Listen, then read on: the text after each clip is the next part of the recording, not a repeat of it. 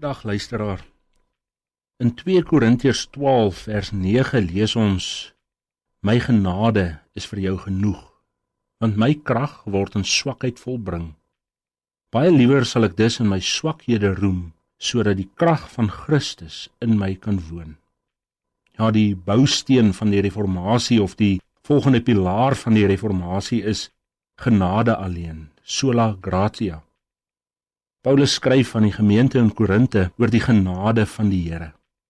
Genade wat hy self beleef en ontvang het. Hy moet homself verdedig teen mense in die gemeente wat hom probeer verdag maak en hy beleef veel stryd en swaar kry. Maar steeds kan hy getuig: Die genade van die Here is vir hom genoeg.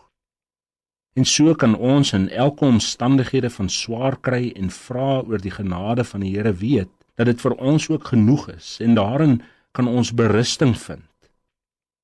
Maar hoekom kan ons berusting vind?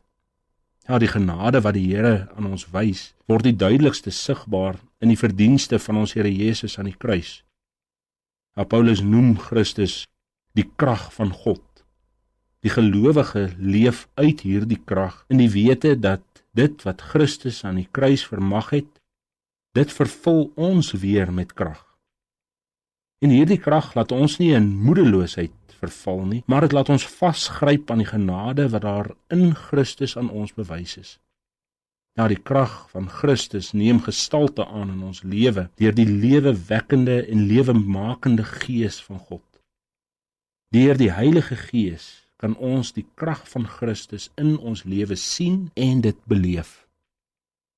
Maar die krag van Christus noop ons om onsself ook te sien en na binne te kyk. Nou ons kan net op een manier hierdie krag van God wat hy in Christus vir ons gee, sien. En dit is wanneer ons ons eie swakheid sien, dat ons sien dat ons self tot niks goed in staat is nie, dat ons in onsself geen krag het nie. Ja, as ons na binne kyk, dan weet ek, ek is ook maar swakke mens. Maar deur die genade van die Here is ek sterk, want ek is sterk omdat ek weet Christus werk in my. Christus werk deur sy gees in my. En in hierdie lig kan ons alleen weet God se genade is vir ons genoeg. Nie omdat ons self sterk is nie, maar omdat hy die krag aan my gee.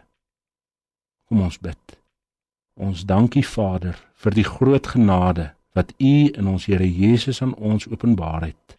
Ons dankie dat U ons deur hom versterk vir elke beproewing in ons lewe. Amen.